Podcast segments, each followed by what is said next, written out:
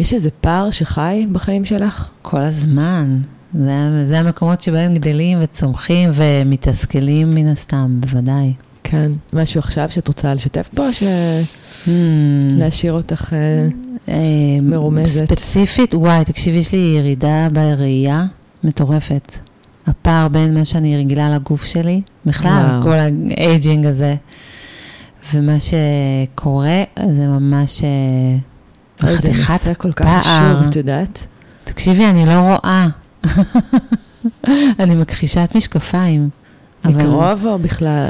אה, מקרוב, כן. מקרוב. חושבת על זה שבאמת, ואולי תכף ניגע בזה, יש פערים שהם באמת, הם חלק מהחיים, הם נוצרים בתוך החיים, ואנחנו לא תמיד בשלים להיות ערים לשינוי שמתרחש בנו, ואז נולד הפער. אני חושבת שהחיים, החיים קורים בפערים, כאילו, כן. אנחנו חיים בין הרצוי למצוי. ברוכים הבאים למעלה בטוב, אני דנה רגב, מאמנת, יוצרת תוכן ומרצה. קבוצה ראשונה בתוכנית איך לפעול באזור הגאונות שלך, שלך, יצא לדרך, הקסם התחיל. אם את או אתה רוצים להתחיל מסע מרתק ומעשי, 12 מפגשים פרונטליים של ידע, עבודה אישית רגשית ועבודה גופנית, לשם יצירת חיים משמעות, היכרות עם אזור הגאונות והטמעה של כלים לחיים ב-well-being, יירשמו למחזור הבא, אחרי החגים, בדף תיאור התוכנית שנמצא בתיאור של כל פרק, או באתר שלי, danaרגב.com, או באינסטגרם, רגב דנה, תחת איילייטס, אזור הגאונות. נראה כאילו הקיום האנושי מכיל פער בין המציאות לאידיאל שלה, איך החיים אמורים להיראות, איזה אימא אני רוצה להיות, איך הזוגיות שלי אמורה להיות, איך אני אמורה לחוש בעולם העבודה, איך אני צריכה להתנהל מול הגוף שלי, כמה להתעמל, כמה לטפח ואיך לאכול, ותמיד, תמיד יש מה לשפר, תמיד אפשר יותר. מתי הפער הזה הוא מנוע מקדם? מתי הוא זבוב טורדני שמשאיר אותנו מתוסכלים? האם עלינו להכיר תודה על הקיום, על הקיים, ולוותר על הזרקור שמואר על הדלתא בין הקיים למושלם, או שעלינו לקבל את ההשתוקקות כמאפיין אנושי? האם הפער הוא אמיתי או דמיוני? ובאיזה מנעד תגובות אנחנו מחזיקים בין אלה מאיתנו שוויתרו על הרצוי תחת האמונה שאין בידינו לשנות את גורלנו ומוטב להסכין עם מה שכבר יש, לבחור באמצעי מפלט משכיחים או מסיחים, ובין אלה מאיתנו שעמלים על צמצום הפער. סמדר מילר הייתה כאן כבר פעמיים, זאת פעם שלישית כיף לחזור. ממש, ואת אה, את רוצה להציג את עצמך? אה, סמדר מילר לוי, יש לי ביחד עם אה, בעלי, שגם הוא היה פה, ניסים לוי. נכון. יש לנו חברת הדרכה, יש שם בתוכה את קרובים בית הספר לזוגיות, אנחנו מלמדים זוגיות ומיניות, ויש את מכללת מילר לנשים מתעשרות, שיש בתוכה את קהילת השנה אני עושה כסף, ומועדון הלוויות, וכל מה שיכול לעזור לנשים אה, להתעשר בכל מובני המילה. אנחנו הולכות לדבר היום על הפער שהוא באמת בילדין בחיים, הוא אינהרנטי בין המציאות שלנו, כמו שהיא, לבין המציאות שלנו כמו שהיא בראש שלנו. מהמם. ועולה לי כזה שאת יודעת, בפיזיקה קוונטית יש אפשרות לסופר פוזיציה, חתול יכול לחיות ולמות. ובמציאות לא, יש רק אופציה אחת, וגם זה נכון לגבי הראש שלנו. בראש שלנו כל האפשרויות קיימות, אבל במציאות יש רק אופציה אחת.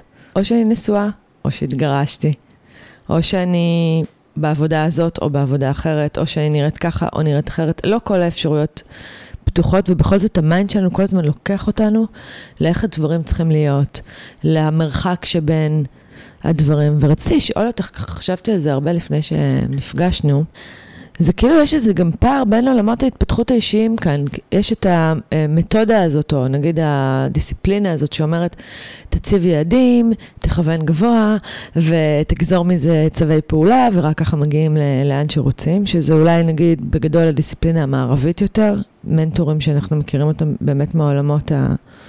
המערב, ולעומת זאת יש את המסורות היותר, נגיד, מזרחיות, שמספרות לנו שדווקא ההשתוקקות היא מקור הסבל, ושכדי להיות מרוצים, אנחנו צריכים ללמוד להכיר ביש.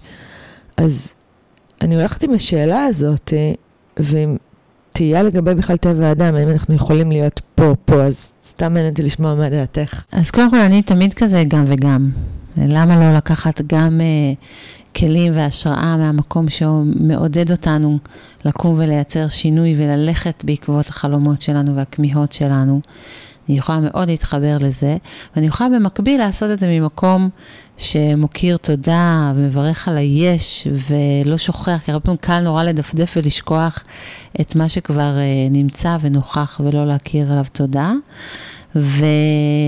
ובתוך המחקר הזה של הפער, אני גם מצביעה על עוד דבר שרואה את הפער הזה כסוג של הזדמנות, כמקום מאוד מאוד מיוחד, שאנחנו הרבה פעמים מיד מדלגים אה, לפתור אותו, או להשלים איתו, או להילחם בו, כן. ויש משהו של, של להיות רגע בתוך הפער עצמו, שהוא ממש מרחב אה, מאוד מיוחד וטרנספורמטיבי. ובעצם מה שהצעתי לך זה שנעשה בתוך הפרק הזה איזשהו מהלך שנזמין את המאזינים לעבוד עם, עם הפערים שלהן ושלהם, כדי לטעום מהדבר הזה שאני אומרת, שהוא לא יישאר איזושהי סיסמה כזו. כן, אני רק אשקף ממה שאת אומרת, ואני ממש מזדהה עם זה, את יודעת, עם הגם וגם הזה שהוא אולי לא נוסחתי, אבל גם החוויה שלי זה שמצד אחד למדתי מאוד מאוד להכיר במה שיש, ומצד שני משהו בי תמיד משתפר, מבקש לנוע, להתפתח, ושני הדברים האלה יכולים להתקיים במקביל. למרות שאני לא יודעת אם את תסכים איתי, יש מצבים שאני מרגישה שאני יוצאת מכיול, שהשתוקקות מקבלת מין, שהתשומת לב לפער, לדלתא, הופכת להיות יותר, נגיד, אה, אני יותר מפוקסת שם, ואז גם כל חוויית החיים שלי נצבעת ב... בצבע של מה חסר לי, של איזה תודעת חסר כזאת, ויש פעמים שבהם אני, כמו עכשיו, סיפר, שיתפתי אותך לפני שפתחנו מיקרופונים, שברור שיש כל מיני פערים בחיים שלי, ואני לא חיה אותם. הם לא מדנדנים בי ברמת אה, איזה מין חייבת להשלים אותם, או לא יכולה, או מתנגדת לקיומם. הפערים שחשוב להתעכב עליהם הם פערים מחוללי סבל. ואני ככה, רגע רוצה גם לשאול אותך כמאמנת, את פוגשת פערים מחוללי סבל, ולפעמים לאורך כן. המון זמן, שאנשים אומרים, בעיקר אני שמה לב לזה, כשאנשים אומרים לי, אני תקוע. זה תקוע לי. הדבר הזה לא מתקדם, לא משנה מה אני עושה, זה תקוע. זאת אומרת שיש שם איזשהו פער שהם ערים אליו, שהם, שהוא כמו איזה משהו שכל הזמן מדמם, ואנשים יכולים פער מסוים לרדוף אותם במשך שנים. נכון. ולייצר כל הזמן, הוא כל הזמן איזה צליל שמלווה את החיים, בין אם מתעסקים עם זה כרגע או לא. הם, כבר, הם כאילו כבר חיים לצד הפער הזה, הפער הזה הוא שותף לחיים. אני אגיד יותר מזה, הוא הופך להיות חלק מהזהות. Mm-hmm. ומהניסיון שלי, שבי עם בן אדם אה, רבע שעה ותהיי במוד מקשיב ואמפתי, הוא יספר לך על הפער שלו. יש פער אחד שהוא ממש חלק מהאופן שבו אנחנו מספרים את עצמנו לעצמנו ולעולם. כן, אז את שואלת מה, מה הפערים שאני נתקלת בהם? כן. יש כל מיני פערים. יש אה, אחד הפערים הגדולים שאני נתקלת בהם, ואני חושבת שהוא כמעט אה, גורף, זה החוויה של, אה, יש לי עבודה, אפילו קריירה, לכאורה היא טובה, לכאורה אני אמור, אמורה להיות מרוצה, מרוצה. אבל אני לא מרגיש שאני בייעוד שלי. מדברים על הדבר הזה, ייעוד, או יש אנשים שממש נהנים ממה שהם עושים, או שמרגישים שיש להם משמעות, וזאת לא החוויה שלי. וזה משהו שאני מאוד מאוד נתקלת בו, בעיקר אני חושבת בשנים האחרונות זה גם הולך ומתעצם כקונספציה, כקונספט. זה מין חוויה גם אגב של, יש איזו הבטחה שאני אמור לממש, ואני בעצמי אפילו לא יודע מה היא. פער שני שאנשים מחזיקים קשור ליחסים. כאילו מין איזה מין, אפילו לפעמים זה, זה תלוי, או באמת מין דימום פנימי כזה שלא מפסיק. הזוגיות הלא טובה שלי, אני לא יכולה לסבול את האופן שבו הוא מתנהג, בעלי, מה שהוא עושה, מר, מריבות בלתי פוסקות. וזה בתוך החיים שלי, אני חיה איתו, אני לא עוזבת אותו, ומצד שני אני גם לא יודעת איך לתקן את זה, ואם בכלל אני רוצה לתקן את זה. Mm-hmm. הצד השני של זה יכול להיות מין סוג של כבר אדישות. כלומר, יש פער בין מה שהייתי רוצה, ש... או איך שהייתי רוצה שחיי האהבה שלי ייראו, אבל זה מה שזה, ואנחנו כבר רגילים ללכת לישון גב על גב. טיפה ויתרתי על אפשרות לשנות את זה, ובכל זאת זה פער בתוכי. כי אני לא חווה את עצמי, או אני לא חווה את עצמי נאהבת או נחשקת או שותפה לחיים חבריים. והפער השלישי המשמעותי, אני חושבת שאני נתקלת בו, אני לא, אף פעם לא מאמנת בתחום הזה, אבל הוא תמיד נמצא שם ליד, או איכשהו עוברים דרכו, קשור לגוף. הגוף לא נראה כמו שהוא אמור להיראות. אני שמנה מדי, או אני לא בכושר מדי, אני לא אוכל כמו שהייתי רוצה לאכול. אני לא מזין את עצמי כמו שהייתי רוצה להזין את עצמי, זאת אומרת, איזה שהם פערים ביחסים עם הגוף. אני אוסיף פה גם את הפער בנושא כסף, שהוא גם כן, מאוד נפוץ. נכון. אנשים חווים שהם לא איפה שהם אמורים להיות מבחינה כספית, ויש שם הרבה תסכול. אלו פערים מאוד מאוד נפוצים. אני חושבת ש... נראה לי לכל אחד מאיתנו יש לפחות אחד מהם חי בתוך החיים שלו. אני חושבת שאגב, עברתי דרך כולם, hmm. ולצמצם אותם לא אומר שהם לגמרי, את יודעת, משהו השתנה שם לגמרי, אין ספק בכלל, יש שם תמורות, אבל אני עברתי דרך כולם. אני עוברת דרך חלקם עדיין, כן. כן. אז אני יכולה להגיד שגם אני, למשל במועדון הלוויות, מאוד מאפיין שמגיעות נשים שיש להן חוויית פער בהגשמה שלהן. בין אם הן עצמאיות או שכירות, הן מרגישות באמת את הדבר הזה של, יש איזה קול פנימי שאומר, יש לי ייעוד, יש לי משמעות, יש לי שליחות, יש לי משהו שאני אגיע ואני אדע שזה המקום שלי, ואני לא שם. ואני רוצה שבאמת נצלול לתוך איזשהו תהליך, ואני מזמינה את מי שמקשיבים לנו עכשיו, לחשוב על פער, קחו את הפער הכי כואב בחיים שלכם עכשיו, ועדיף פער שהוא הולך איתכם כבר תקופה. ושכזה ניסיתם את זה וניסיתם את זה, ותקופות של ייאוש ותקופות של אה, יאללה, להיכנס בזה, ופער עקשן כזה, כי אולי באמת יש פה הזדמנות אה, לראות משהו חדש ביחד, ביחס לפער הזה, ואולי אפילו לעשות שם איזושהי פריצת דרך. אז אני רוצה להזמין להסתכל על... אה, על פער, ניקח אולי אנחנו לשם הדוגמה, באמת את הפער הקלאסי הזה של אה, מבחינת ההגשמה והתעסוקה. ואני רוצה לשאול, איך אתם מסבירים לעצמכ, לעצמכם את הפער הזה? זאת אומרת, אם אני חושבת שלמשל אני יודעת שאני צריכה שיהיה לי עסק עצמאי בתחום טיפולי, אני אתן לך קלאסיקה, אוקיי? אבל אני בהייטק ולא מצליחה לצאת משם לוותר על המשכורות. כן, זה קלאסי? וואו, ממש, כן. Okay. או אני שכירה. כלומר, אני רוצה לטפל, יש לי כרגע רגל חזקה שמפרנסת אותי, אני שכירה, אני עובדת במשרה X, אבל בתוכי באמת אני רוצה בכלל שתהיה לי קליניקה. כן, או שאני יודעת שאני רוצה שתהיה לי קליניקה, או שאני חושבת שאני יודעת שאני רוצה, אבל בעצם אני לא סגורה על זה שזה בדיוק הדבר, mm-hmm. ועד שאין לי משהו מאוד ודאי ביד השנייה, אז אני לא מעיזה לשחרר את היד הזו, ולפעמים אנשים יכולים להיות שנים בתוך הפוזיציה הזו. כן. אז זה סתם לצורך הדוגמה, אבל באמת כל אחד אה, ייקח משלו, ורגע יראה מה הרצוי, מה המצוי, וברווח הזה, בין הרצוי למצוי, אולי לפני, איך אני מסבירה לי את זה, איך זה מרגיש לי שם. כן. איזה רגשות, רגע לעצור רק לראות מה זה מרגיש, כי אנחנו הרבה פעמים מיד בפעולה או בחשיבה, ואולי כדאי רגע לראות אילו רגשות יושבים שם, והרבה פעמים בפער הזה יש, יש כאב, לפעמים יש בושה, לפעמים יש חוויה של החמצה, לפעמים יש המון המון מתח ולחץ. כאילו, מה יהיה? הם כזה מלחיצים אותנו.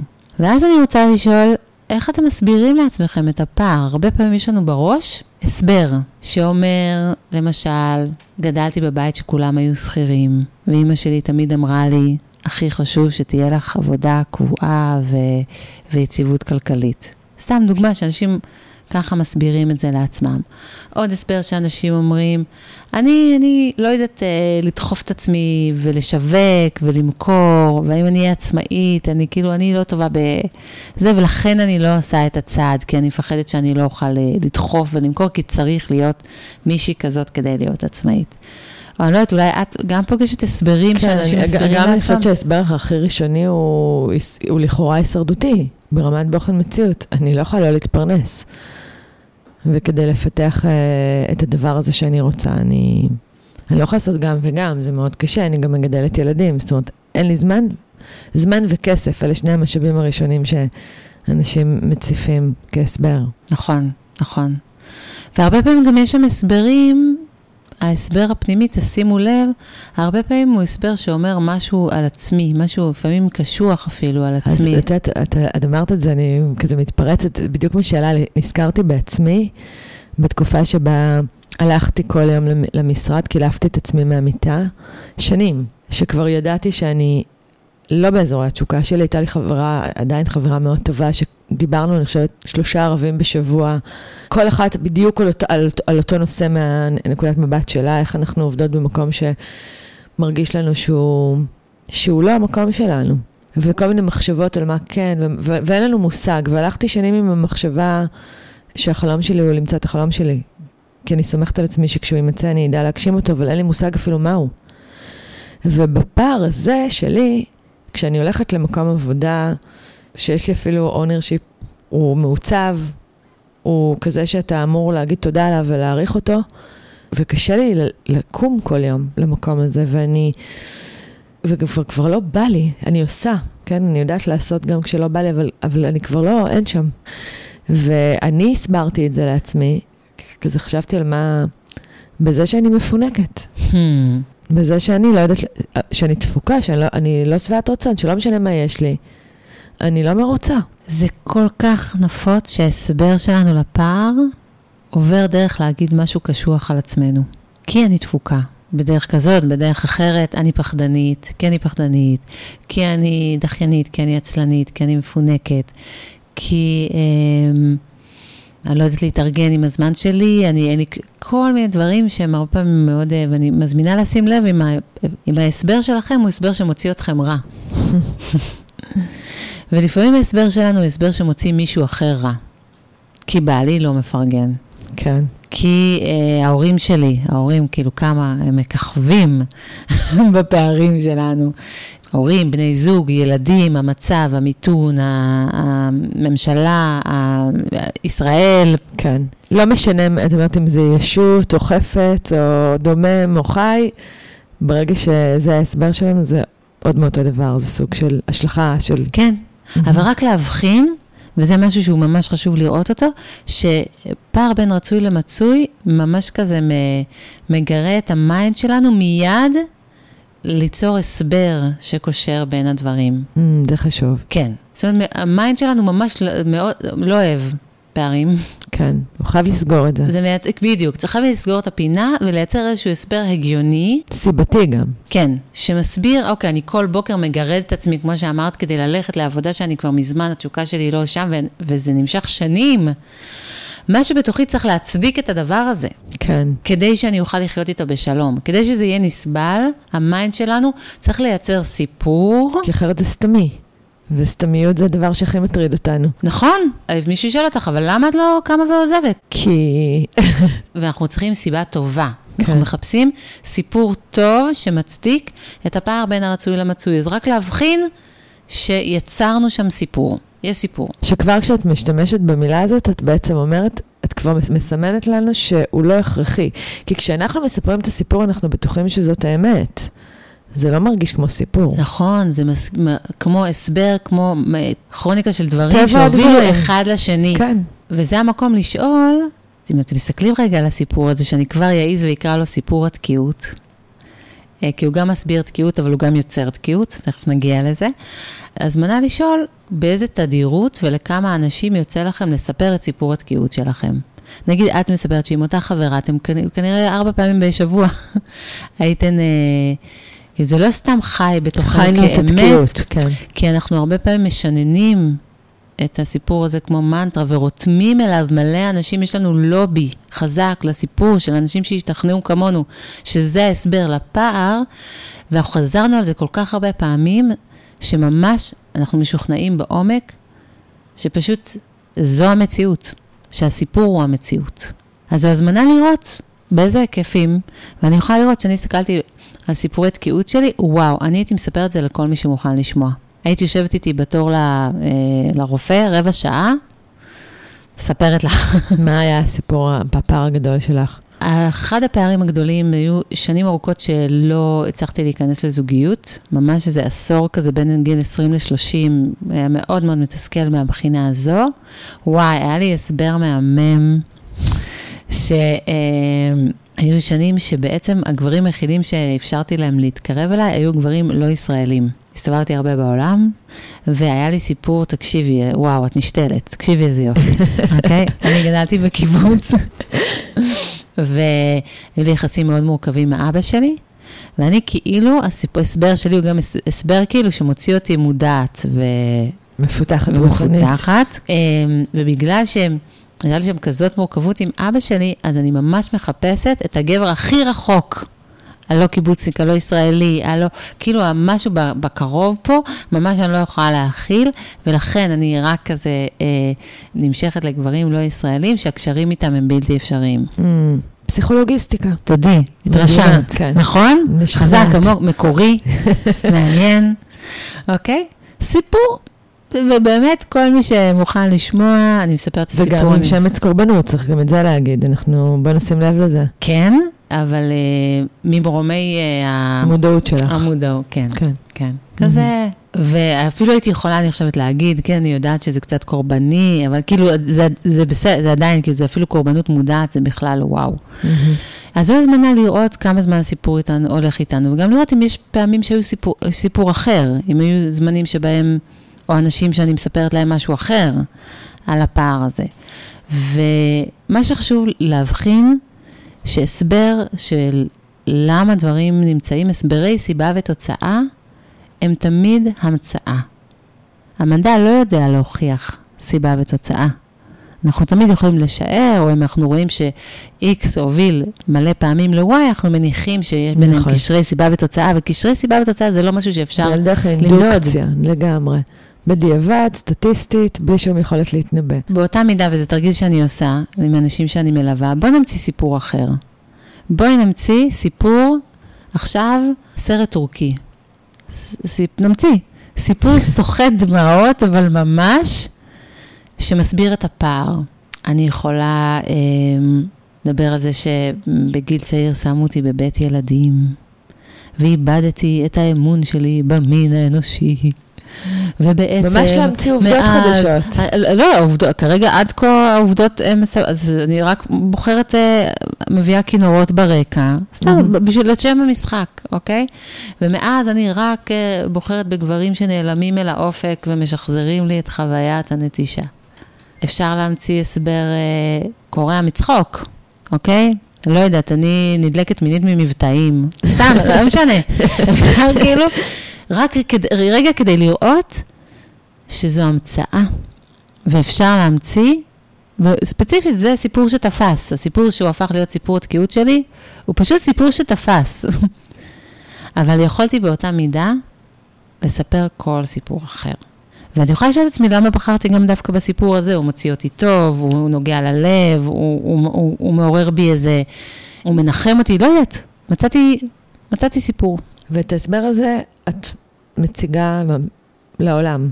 ובעיקר לעצמי, גם כשאני מספרת לאחרים, אני חושבת שזו דרך לה- לשכנע אותי. לתקף, לתקף את הסיפור הפנימי שלי. שהמציאות שלי מוצדקת, הגם שהיא מס- היא מסיבה לי סבל. היא מוצדקת והיא make sense. אפשר כן. למצוא בכאוס המוזר הזה, שאני רוצה משהו ואני לא, והוא לא קורה. כן. וצריך להגיד שכאן נולד החייבת, האין לי ברירה, נכון? זה תמיד סיפורי אין לי ברירה. פה אנחנו מצמצמים את החופש שלנו. כי הרי כשנבוא לאנשים ונגיד, אבל את, את יכולה לבחור אחרת, זה מה שייצר את ההתנגדות הכי גדולה. לא, אני לא.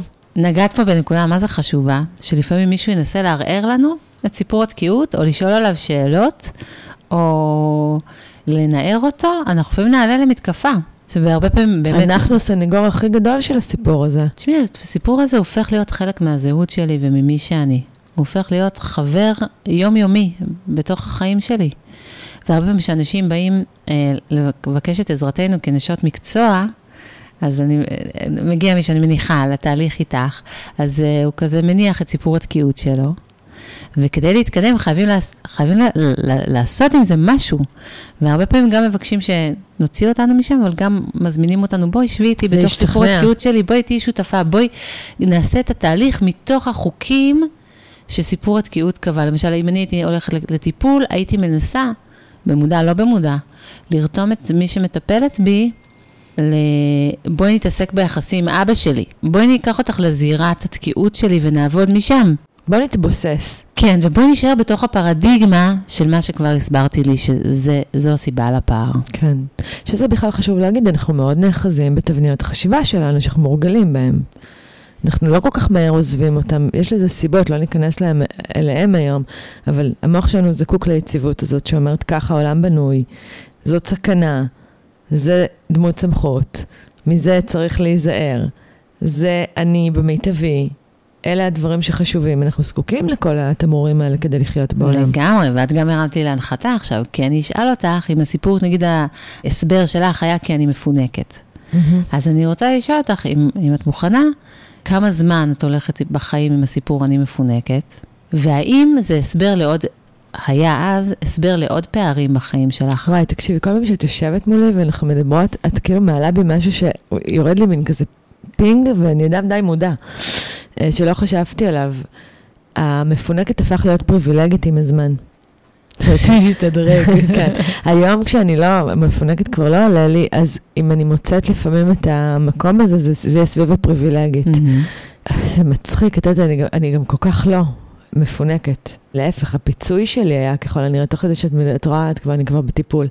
אה, אני, הפיצוי שלי היה לעבוד מאוד קשה, להתאמץ כל הזמן. אני כמעט לא מסוגלת לראות את עצמי נחה או לא עושה. אה, אז כנראה שהוא הולך איתי הרבה זמן. הרבה זמן רגע זה מילדות? כנראה. Mm-hmm. אני, ואני אני אפילו לא יודעת על מה, זה כזה כשבעודנו מדברות, אני לא, ניס, אין לי, לא עולה לי משהו שם אסוציאטיבית.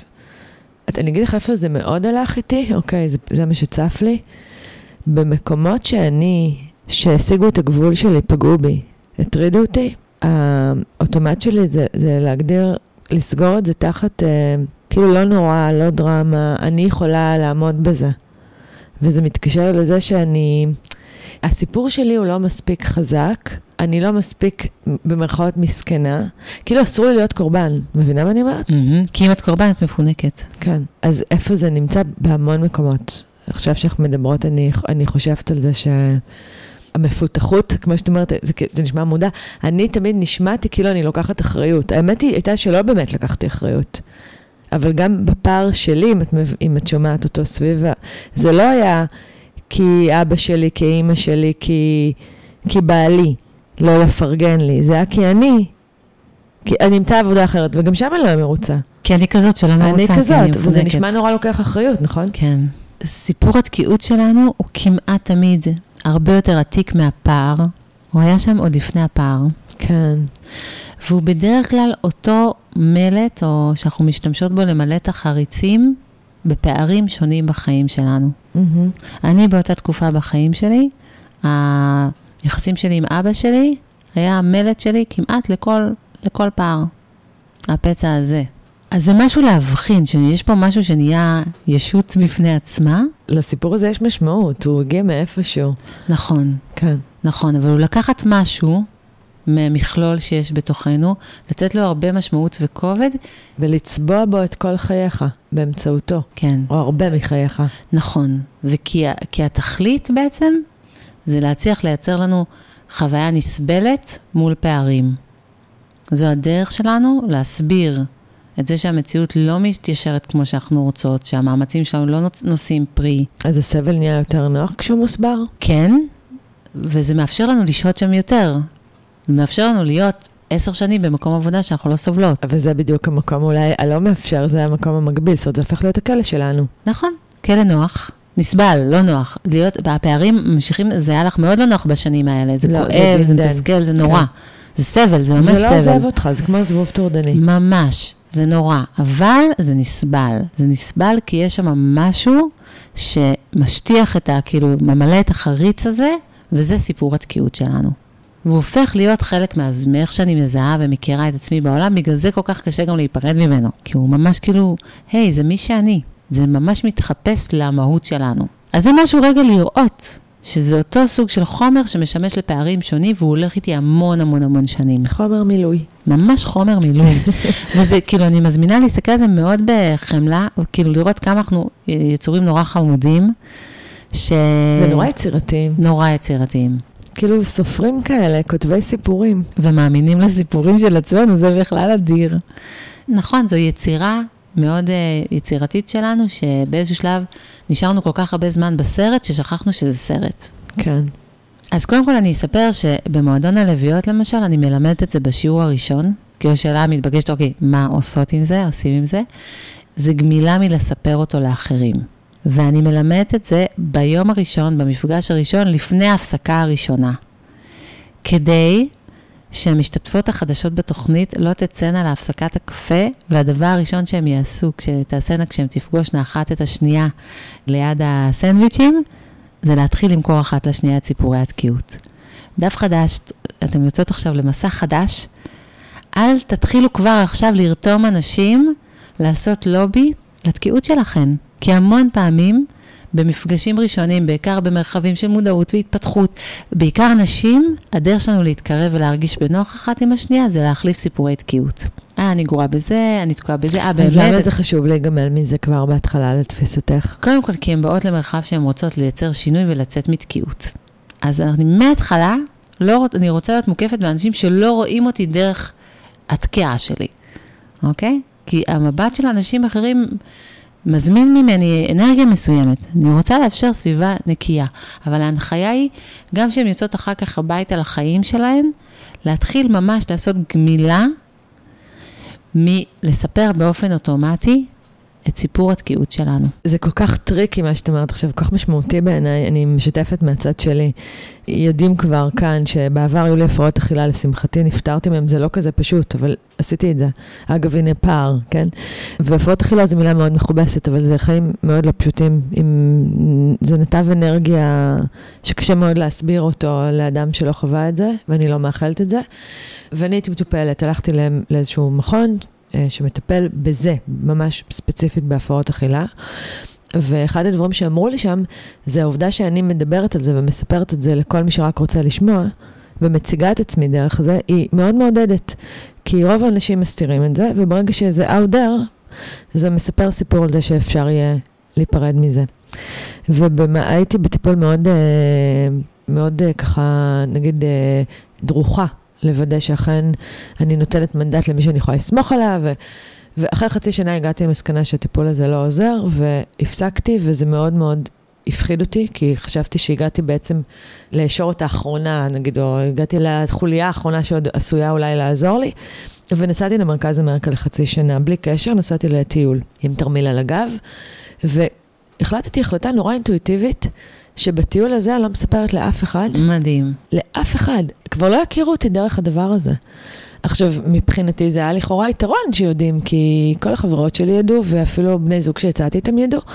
ו- ובכל זאת החלטתי שאני עכשיו יוצאת לנסיעה של חצי שנה, אני הולכת להכיר אנשים שאני לא מכירה, ולא בא לי להציג את עצמי ככה. זה היה כזה, לא בא לי. וחצי שנה לא סיפרתי את זה ולא דיברתי על זה. והקול הבריא מהטיפול כנראה הפך להיות הרבה יותר נוכח בתוך הטיול הזה. כשאני חזרתי כבר ידעתי שאני בלי הפרעת אכילה, ועוד נזהרתי מלהגיד את זה, כי חזרתי לסביבה שלי הטבעית ורציתי לוודא שאכן אני נטולת.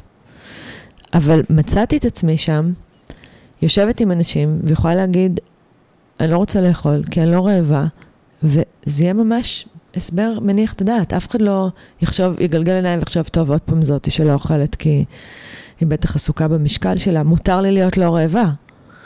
ואני יכולה לשבת ולאכול, ואף אחד לא יסתכל עליי כאילו מה עובר עליה, אם היא אוכלת עכשיו, או למה היא תוקעת, או איך היא רגשית. לפחות בראש שלי, אני לא בטוחה שאנשים יסתכלו עליי ככה, אבל בראש שלי, כבר הייתי עסוקה באיך הסביבה שלי תופסת אותי, ולא יכולתי לצאת מהתפקיד שגילמתי. Mm-hmm. אז נדמה לי שמה שאת אומרת עכשיו, אם אני שומעת אותך נכון, ואנחנו לא נגד לספר את עצמנו, נכון, או לתקשר את עצמנו, אבל לפעמים הזהות הזאת שאנחנו ממשיכים ל- ללעוס וללרלר, היא כבר מגבילה אותנו כי היא הופכת להיות מה שמצופה מאיתנו להיות. ממש ככה, היא ממש מקבעת אותנו בתוך תפקיד מסוים. אני רק, אני אעשה פה הבחנה שאומרת, אני לא בעד, לא נגד אה, לבוא ולשתף במה שמכאיב לנו, אבל אם אני, אני בוחרת לשתף עכשיו אה, אותך באיזושהי מצוקה שלי, אז אני רוצה רגע לעצור ולהגיד, אה, דנה, אני רוצה רגע לשתף אותך במשהו. סיפורי תקיעות בדרך כלל הם על הדרך. הם לא, הם לא באמת בחיבור. זה לא שיתוף, לא, את לא, אומרת. זה לא משהו שקורה לי עכשיו, אין שם סימן שאלה. יש שם ללעוס משהו מאוד מאוד לעוס, מאוד אוטומטי. עולה, פתאום אני נזכרת בפער שלי, עולה לי חרדה, שמה תחשבי עליי, או משהו כזה, או אני לא מספיק טובה, ואז אני מיד שוטחת בפנייך את סיפור התקיעות שלי, בלי שיש לי דקה בחירה. זה תרגולת כמעט אוטומטית. ואני אגיד יותר מזה, קודם כל זה מדהים ההחלטה שקיבלת ואיזה משמעות היה לה גם בתוך מסע הריפוי שלך, כי יכולת באמת לצאת מה, מהזהות הזאת שכבר לא רק את החזקת אותה, כל הסביבה שלך החזיקה אותה, ולציפיות של הסביבה שלנו יש המון המון כוח. ואני אגיד שכשאנשים מתחילים להיגמל מסיפורי התקיעות, קלטים מה קורה. הרבה פעמים הם פתאום, האנשים, הרג... כאילו החברים הקרובים שלהם, אין להם על מה לדבר איתם. הרבה פעמים, וואו. זה משנה את הסביבה החברתית שלנו. זאת אומרת, את אומרת שזה מה שמחבר בינינו? שפתאום אני, אני, כשעשיתי עם עצמי את התהליך הזה, קלטתי שמה זה החברים שלי? אנחנו נפגשים ומדברים סיפורי תקיעות, כל אחד את שלו. אז זה מה שאנחנו עושים, תרפיית, תרפיית תקיעות כזאתי.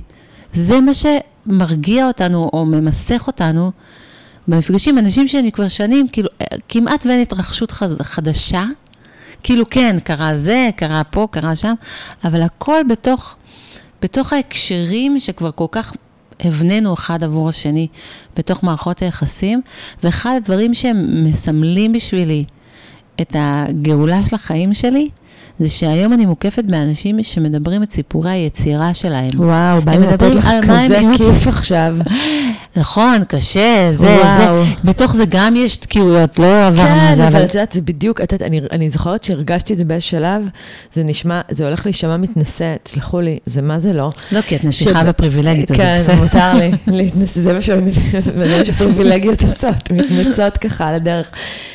אני ממש, ממש, ממש זוכרת ששמתי לב לזה, והייתי שותפה לזה, שהדרך שלי לייצר אה, שייכות עם חברות מסוימות הייתה דרך הצרות שלי. אגב, זה מתקשר לפשע הזריחה. אם אני מרוצה מדי, זורחת מדי, מצליחה מדי, זה יכול להרחיק אותם. וזה זה כאילו, זה לא היה מודע, אבל אני שימרתי הרבה מהדברים האלה, או, או הנכחתי אותם, או שמתי עליהם דגש על הפערים האלה, כדי שאני אוכל להשתייך. ואני יכולה להגיד לך שהיום, לא זו בלבד שאני לא מנהלת שיחות כאלה, ואני יכולה לשתף חברות לגמרי בפערים, כן? אבל זו לא השיחה היחידה שאני אנהל. אני כל כך שותפה למה שאמרת, מעניין אותי היום לדבר עם אנשים שמסתכלים קדימה, שמדברים רעיונית, חז... חזונית, ערכית, הרבה פחות מאיזה מין התחשבשות uh, שהיא... עוד מאותו דבר, ואני לא באמת תורמת שם, אגב, כאוזניים מקשיבות. אם הייתי תורמת שם, הייתי מוכנה להיות שם. כן, אני חושבת שהרבה פעמים אה, אין שם בקשה או כוונה... לתרומתך.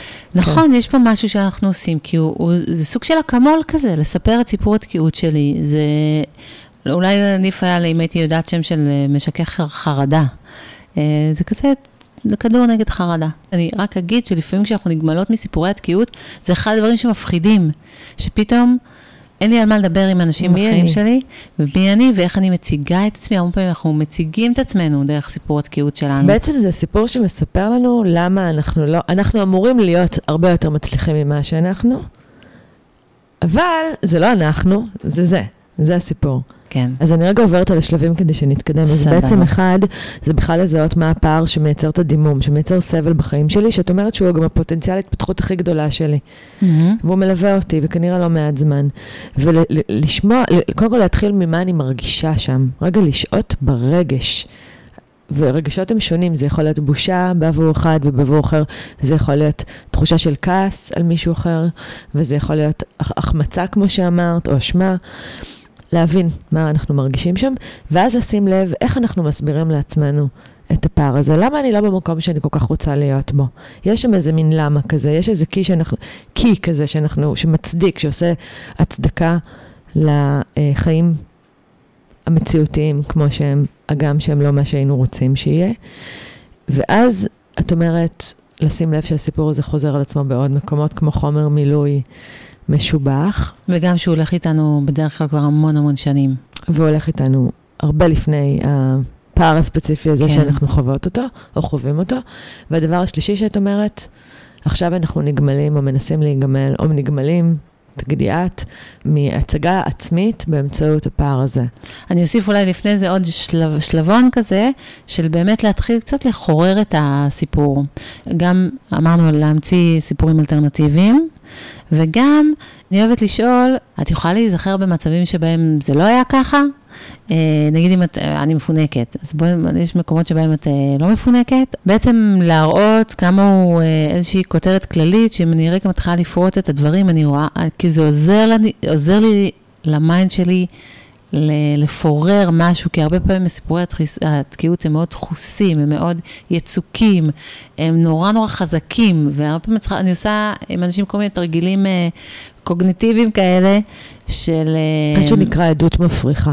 אנחנו מנסים למצוא ראייה mm-hmm. שתגיד, זה לא הכרחי, זה לא חובה, יש גם דוגמאות אחרות. כן, אנחנו רוצים כזה להחליש את המעמד של הסיפור הזה כאמת, mm-hmm. בטח כאמת יחידה. וכן, ואז יש כמה דברים שאפשר לעשות ביחס לסיפור התקיעות. קודם כל, ברמת הדיבור. כמו בבודהיזם, מתחילים מדיבור נכון, אנחנו מתחילים מ... להיגמל מלדבר אותו, דיבור אוטומטי. הייתי בשוק מכמה אני, כמה, כמה פעמים ביום יש לי את החשק להתחיל לברבר אותו. ובפני איזו, אילו אנשים, וכמה הדבר הזה הוא כל הזמן על קצה הלשון שלי מוכן לשיגור. ולפעמים זה ממש להגיד את זה, לפעמים זה לתשדר, לפעמים זה לרמוז, לפעמים זה להריץ איזה דחקה. הערות אגביות על עצמנו, ש, שרגע מעבירות את הזהות הזאת, את הסיפור הזה הלאה. לגמרי. אני כזה מנסה לחשוב על דוגמה שתעלה לי, וכאילו כרגע לא עולה לי, הייתי שמחה אם יש לך. שנגיד, אה, נגיד משהו נשפך או זה, ואני שואלת למישהי שאולי מגבון או משהו כזה, ואז מישהי תשלוף מגבון, אז הרבה פעמים אני אגיד, יואו, אתה מהאימהות האלה עם המגבון, בטח גם היו לך אה, תפוחים פרוסים בקופסה, וכאילו... כאילו משהו של להראות שאני הייתי אימא כזאת שתמיד אבודה וחסר לה מגבון, ותמיד בסוף אה, קונה במבה. כי זה ש... הסיפור. שלך? הסיפור של, כאילו, יש שם איזשהו משהו של, אני לא, לא על הוואן, כאילו, כן. לא תמיד אני, אה, כאילו, להנכיח שם איזשהו פער. מעניין. Mm-hmm. למה, אני, למה אמרתי את זה עכשיו? למה זה מעניין? למי זה רלוונטי? צריך פה רגע מגבון. למה הייתי צריכה עכשיו להנכיח את השלומי? גם, נכון? כן. ואני אומרת, כאילו, מה, למה אני צריכה לרתום את האישה הזאת עכשיו לזה שאני לא משהו? מעניין.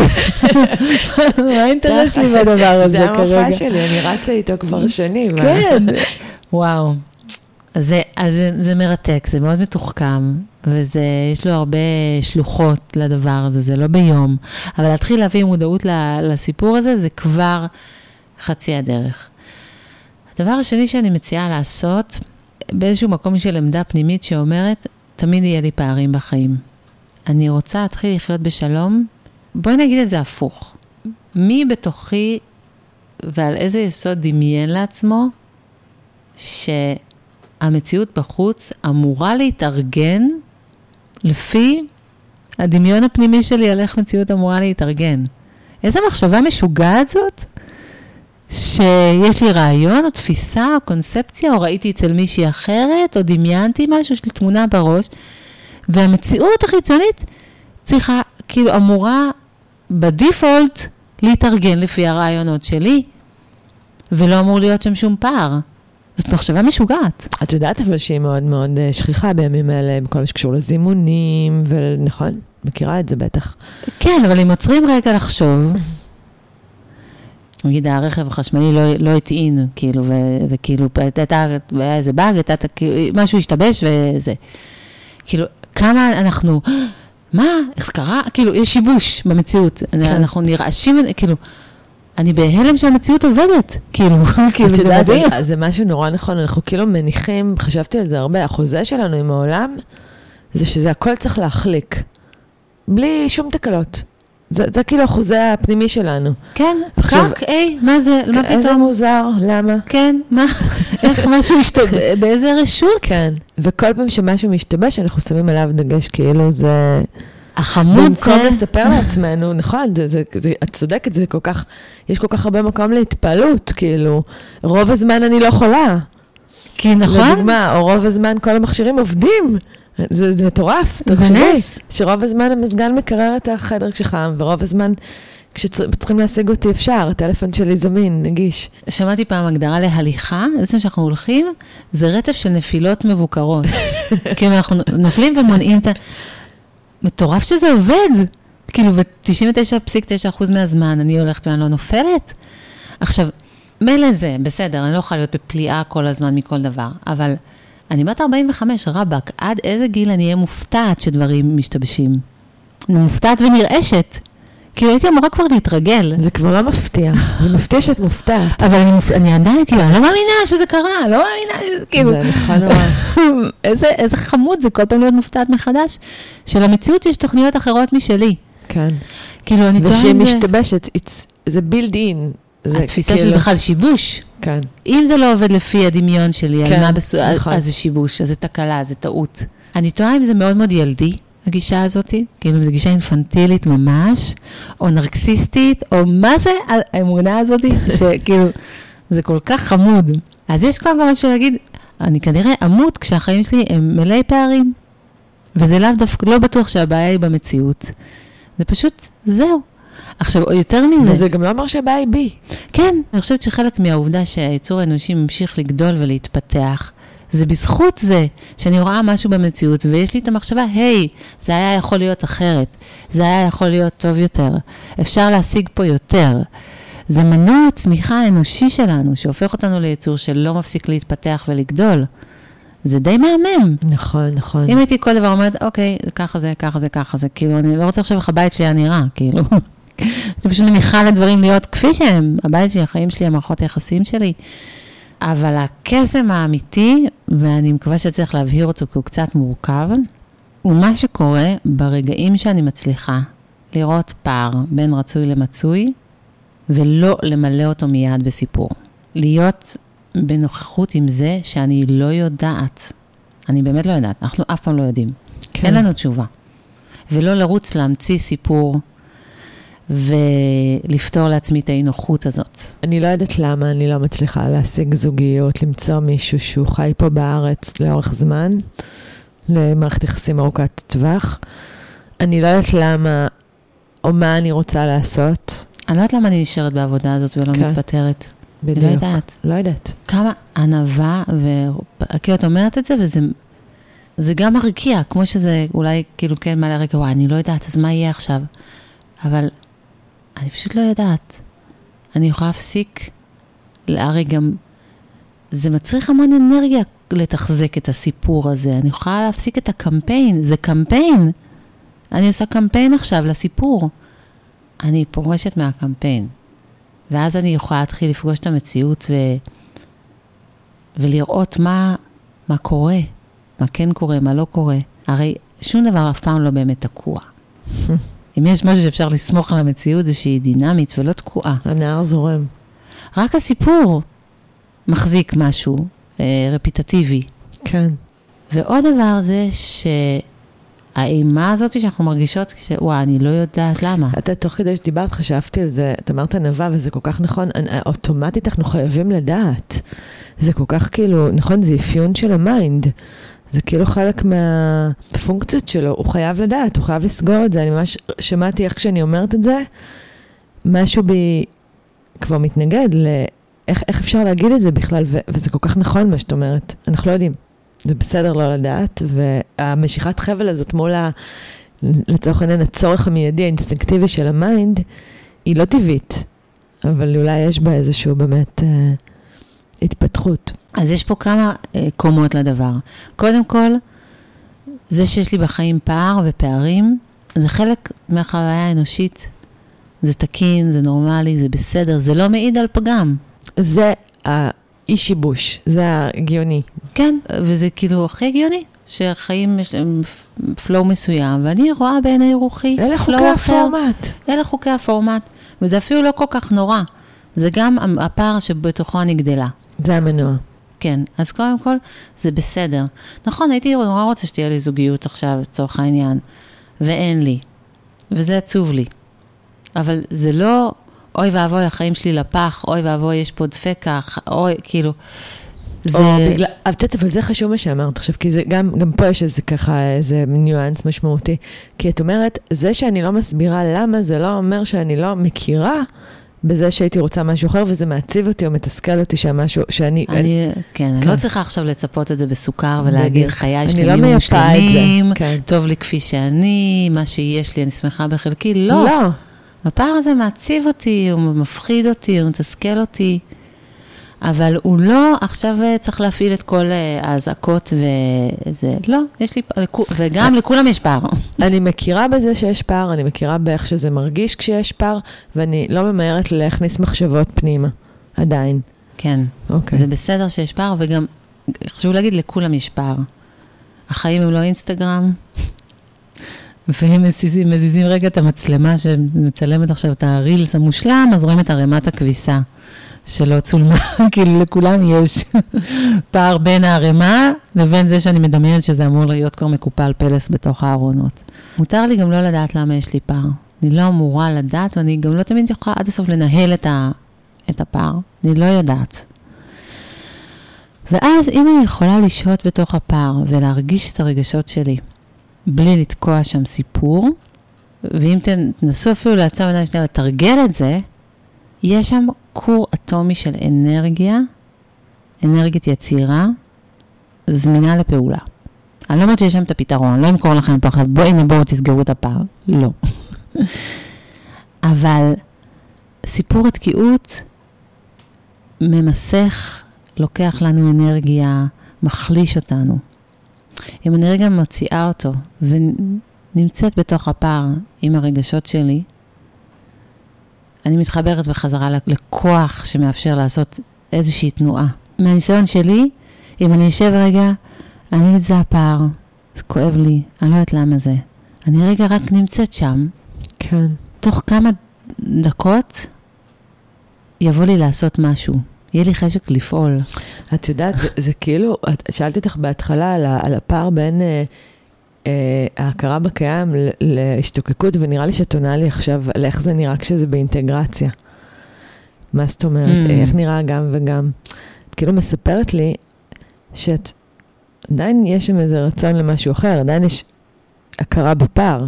ההכרה במה שיש זה בין השאר גם הכרה בפער, שהוא חלק מהיש. Mm-hmm. אבל אני מרפה. אני לא מחזיקה את זה, אני לא מגדירה לזה, אני לא, מחזיק, אני לא מספרת לעצמי סיפורים על זה. יש שם איזה, אני שמעתי איזושהי, איזשהו שחרור, איזושהי הרפאה, אני, אני מרפה מלהחזיק את זה. כן, עכשיו זה לא אני מרפה, אני משלימה עם המצב. לא, לא, לא. אני מרפה מלהסביר את זה, אני מרפה מלהגדיר מה אני צריכה לעשות, אני מרפה מלייצר דרך, אני פשוט מרפה ונותנת רגע לפער להוליך אותי במרכאות. כן, מה שיש שם זה כוחות. זה אנרגיה זמינה ליצירה, אה, שזה הרבה פעמים באמת הדרך לצאת מהתקיעות. כן. נוצרת איזושהי תנועה. אז מה אנחנו אומרות? נגיד, אתה דיברנו בהתחלה שהרבה מאוד אנשים חווים לצורך העניין את הסיפור הזה של אני הבטחה לא ממומשת, שאני לא בייעוד שלי, פשוט תכיר בזה, תכירי בזה, תרגישי את התסכול שכרוך בזה, and that's it. מה, מה ה-how to? שאנחנו משלחים לדרך איתו.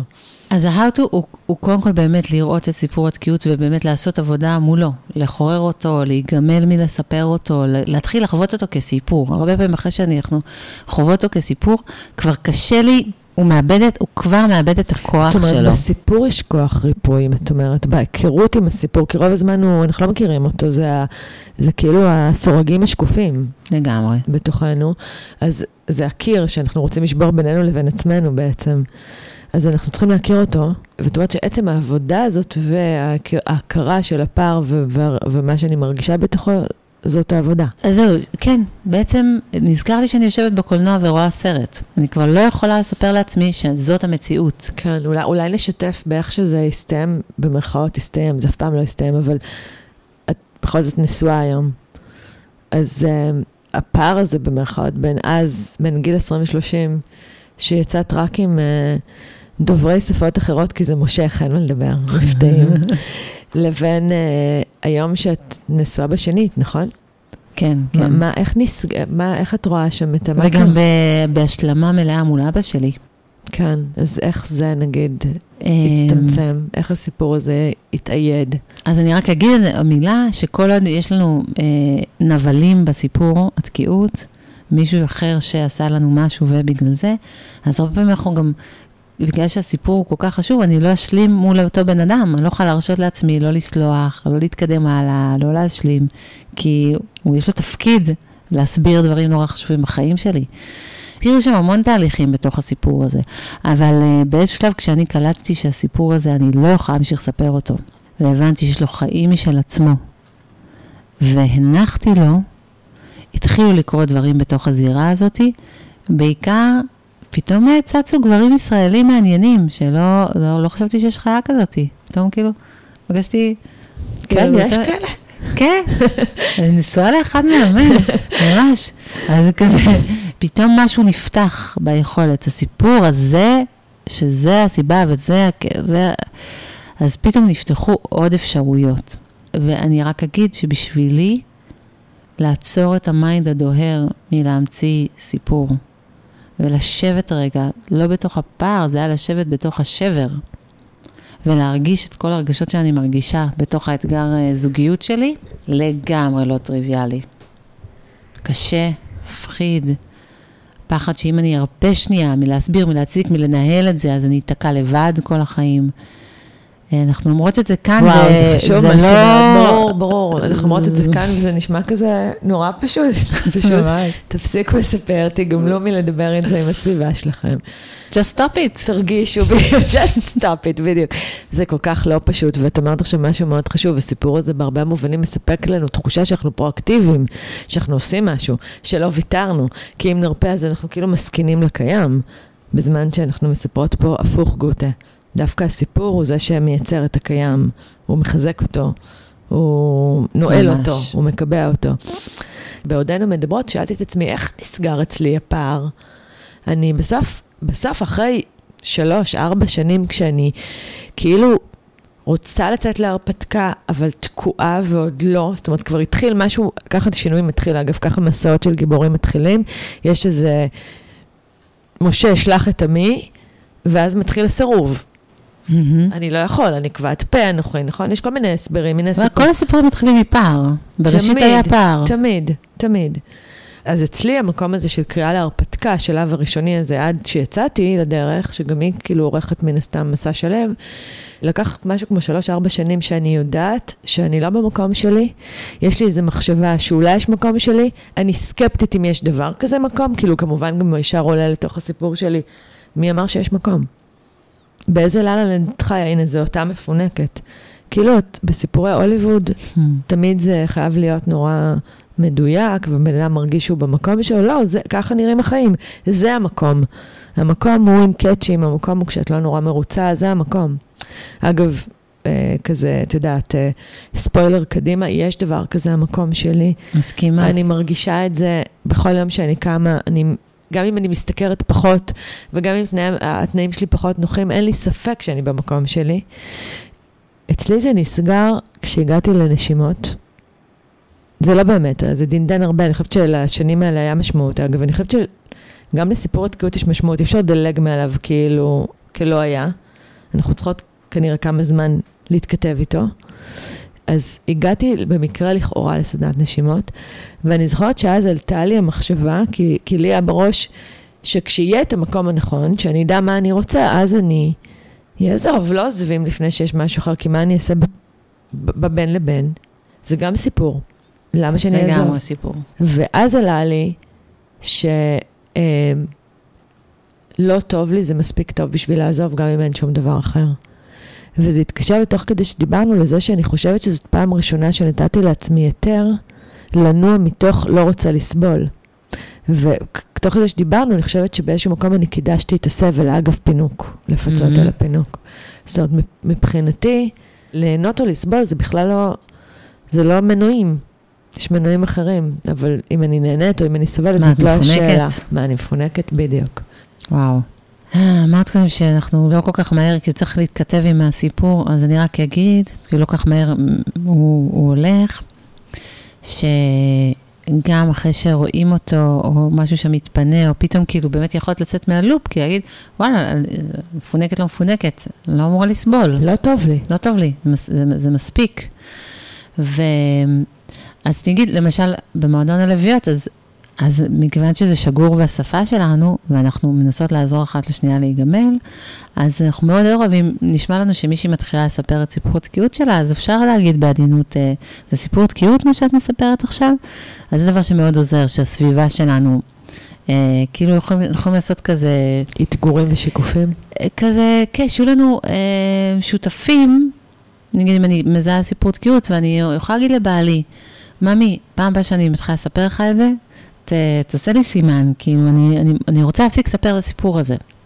ודבר מעניין שקורה, שכשפתאום אה, יש אתגר או פחד או רגע משבר, לפעמים כזה סיפור התקיעות בא לעשות איזה קאמבק, מנסה לעשות, גם אחרי שכאילו ממש נגמלת ואת כבר לא קונה את זה, אבל פתאום יש איזשהו רגע כזה של אה, חרדה.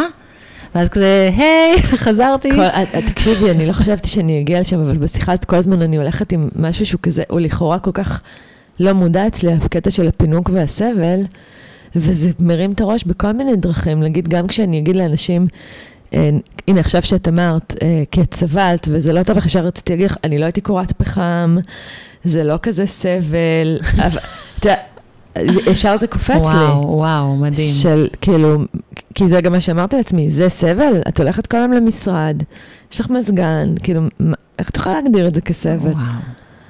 וואו, זה מדהים גם איך ה... כאילו, בהפוך על הפוך, זה, תקשיבי, את גאונה, הסיפור גאוני. כי ברגע שהסיפור שלך שאת מפונקת, אז בעצם זה סיפור מעולה כדי להשאיר אותך במקומות מסוימים ולא לתת לך להתקדם, כי לא משנה איזה סיבה יש לך לקום וללכת, זה יכול ליפול לתוך הקטגוריה של את מפונקת ותגידי תודה לגמרי. על מה שיש לך. זה, ממש. וואי, תקשיבי, זה סיפור תקיעות מעולה. סיפור תקיעות אולי תוקע. נפתח אה, חנות, כאילו, סיפור תקיעות תוקע. כזה, כאילו סיפורים, אה, סיפורים חזקים, כן. זה לא, זה מאוד מאוד מתוחכם, זה סיפור מאוד מתוחכם, כי דרך זה שאת מפונקת, את אה, היית צריכה להיות במקומות, אה, לעבוד נורא, לקרות פחם. אני, זה מה שאני עושה, כל חיי. וואו, אני חושבת שאני זזה משם, אבל, אבל זה צף כל הזמן. אנחנו, וואי, תקשיבי, יש משהו במפגשים איתך, שאני אומרת את זה לא מהפה לחוץ, שהוא תמיד לוקח אותי לאיזה, איזה כיף, תודה. ממש, ממש. כן, לקחת אותי. אז טוב, אז בואי נפתח את החנות. אני, יש לי עוד כמה. צפו. למכירה מי שרוצה, אנחנו אני מוכנה משחררות בכיף. בדיוק, אני מוכנה לנוע קדימה. יואו, סמדר, איזה כיף היה לי. נכון, גם לי, ממש. ממש ממש, זה עושה לי חשק לעוד. יאללה, אני באה בכיף. ואיך היה לכם? מקווה שנהניתם בנימה אישית בפרקי הפודקאסט מושקע זמן, מחשבה ומשאבים רבים בניסיון לזקק ערך משמעותי, לאפשר למידה, הגמשת תודעה, כלים מעשיים. השיתופים שלכם, המלצת ברשתות החברתיות, ההודעות המרגשות שלכם על תמורות אמיתיות בחייכם, כל אלה הם שכר משמעותי עבורי. אני מודה לכם מקרב לב, ניפגש כאן שוב בעוד שבועיים, הפעם בלי סיפור תקיעות, ובינתיים תעלו בטוב, שבוע טוב.